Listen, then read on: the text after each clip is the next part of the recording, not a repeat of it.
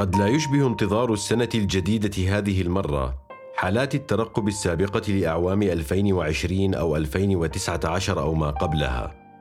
الجميع يترقب وينتظر مسكونا بفكرة الخلاص مما هو حاضر أكثر من الترقب لما هو آت. الجميع مسكون بفكرة الهروب فقط من غرفة 2020 وأن يغلق الباب خلفه حاجبا كوابيس الوباء والانهيارات الاقتصادية عن الغرفة التالية الغرفة 2021 لكن التاريخ لا يسير بهذه الطريقة للأسف. إننا نخترع المحطات الفاصلة والأبواب كجزء من آلياتنا النفسية في ابتكار الأمل. تماما كما تقرر السفر إلى الريف للتفكر والتأمل وتعتبر اليوم الأول بعد العودة هو محطة جديدة وولادة إنسان جديد. إن كل ذلك من صناعتك أنت، وكنت لتحصل على النتيجة نفسها لو سافرت في الأول من كانون الثاني أو في الأول من تموز. النتيجة هي هي البحث عن أمل البدايات الجديدة.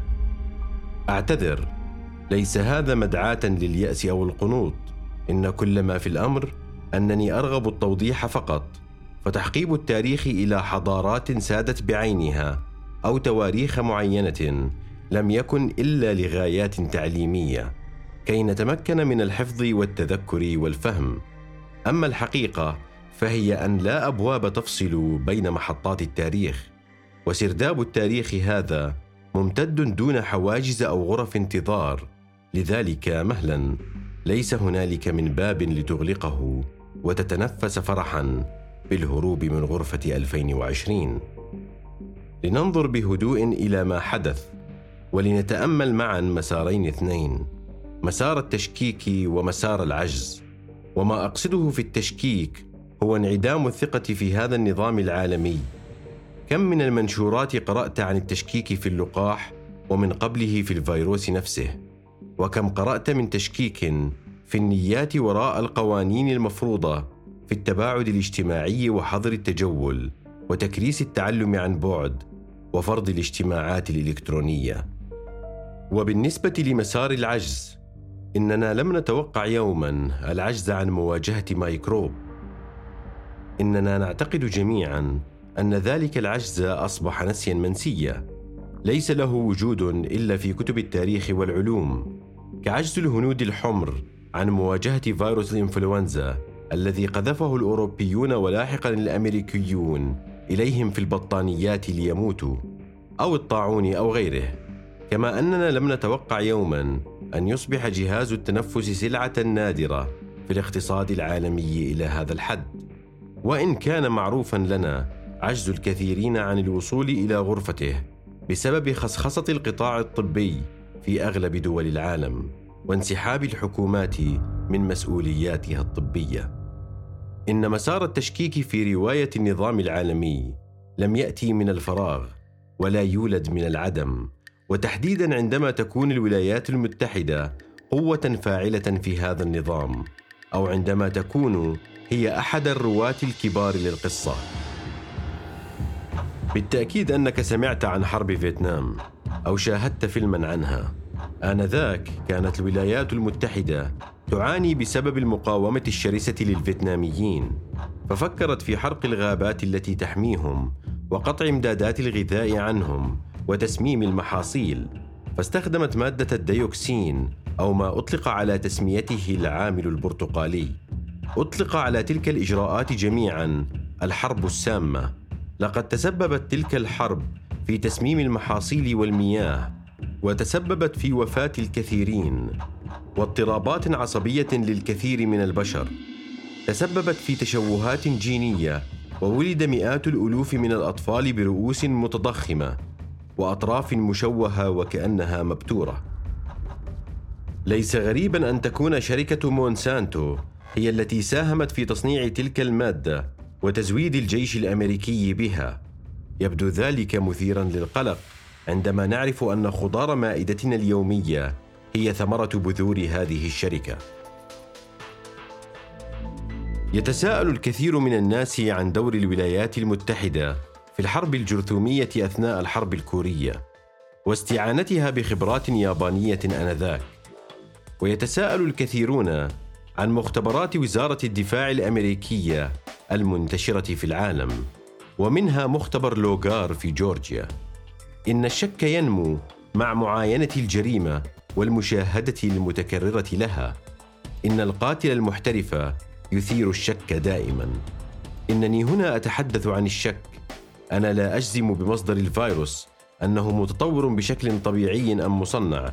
فتلك قصة أخرى. ولست أنا أو أنت أساسا من يحفز هذا الشك. فعندما شاهد الناس كونتاجيون أو ريزيدنت إيفل لأول مرة وكيف أن فيروسا يحول الناس إلى كائنات مسخ؟ كانوا يتابعونه من باب التسلية وأثناء تناول الذرة والبشار في المنزل أو دور السينما. ولكنهم عام 2020 شككوا في الأمر. إنه أكثر من خيال لغايات المتعة. إنها نيات إن الفكرة في الرأس كثيرا ما تصبح واقعا في نهاية الأمر. عندما سقطت بغداد بيد الاحتلال الأمريكي كانت الإدارة الأمريكية تروج كل يوم. لوجود أسلحة دمار شامل في العراق. كانت استطلاعات الرأي تشير إلى ازدياد الأمريكيين المؤيدين للحرب كلما تضخمت الدعاية حول أسلحة الدمار الشامل. وعندما تكشف كل شيء شعر المواطن الأمريكي بالاستغفال وشعر الجميع بعدها بالاستغفال عندما تسربت مشاهد التعذيب في السجون الأمريكية للعراقيين التي شملت الاغتصاب والأسلاك الكهربائية. وإطلاق الاضطرابات النفسية للجنود لتفترس السجناء العراقيين.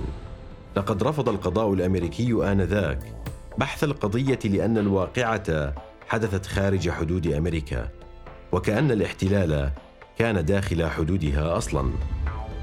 إن مسار الشك ينمو بقوة كلما ازدادت الجريمة والكذب مهما كان الأمر حربا باسم الديمقراطية أو وباء عالميا أو دعاية لمنتج جديد لا يهم. ما داموا يقتلون ويكذبون تصبح الثقة محض طيبة مفرطة. والآن ماذا عن مسار العجز؟ لقد كنت أتحدث مع أحد الأصدقاء المصابين برهاب الإفلاس. حول مصير من يحتاج الدخول إلى المستشفى ولا يملك تامينا صحيا. يملك سامي الكثير من المواهب والمهارات.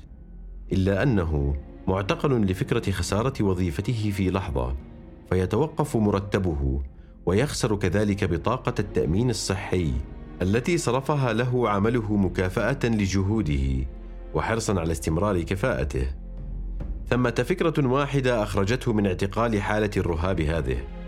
ما الفرق بينك وبين من لا يملك عملا في حالة أنك احتجت الخدمات الصحية لفترة طويلة؟ أو في حالة لا تغطيها بطاقتك الصحية أو في حالة مزمنة تتجاوز سقف البطاقة. كم ستصمد مدخراتك زمنا؟ ألا تشعر في تلك اللحظة أنك ومن لا يملك عملا سواء؟ في تلك اللحظة تخلص سامي ابن الطبقة الوسطى من وهمين أن البطاقة التي يحملها في جيبه هي طوق النجاة الأكيد من أي مرض قد يلم به. وأن الضرائب التي دفعها طيلة السنوات الماضية تضمن له الخدمة الصحية المتوقعة. إن أوهام سامي لم تكن بعيدة عن الحقيقة المرة التي تجرعها البشر مع فيروس كورونا. لقد أنفقت أنظمتهم على الدعاية لمنتجات ضارة والحروب وترف الرؤساء أكثر مما أنفقت على سلامتهم الصحية. إن العجز ليس إلا أولوية الإنفاق. وكان ذلك يحدث باستمرار ولكننا لم نكترث ولم ننتبه.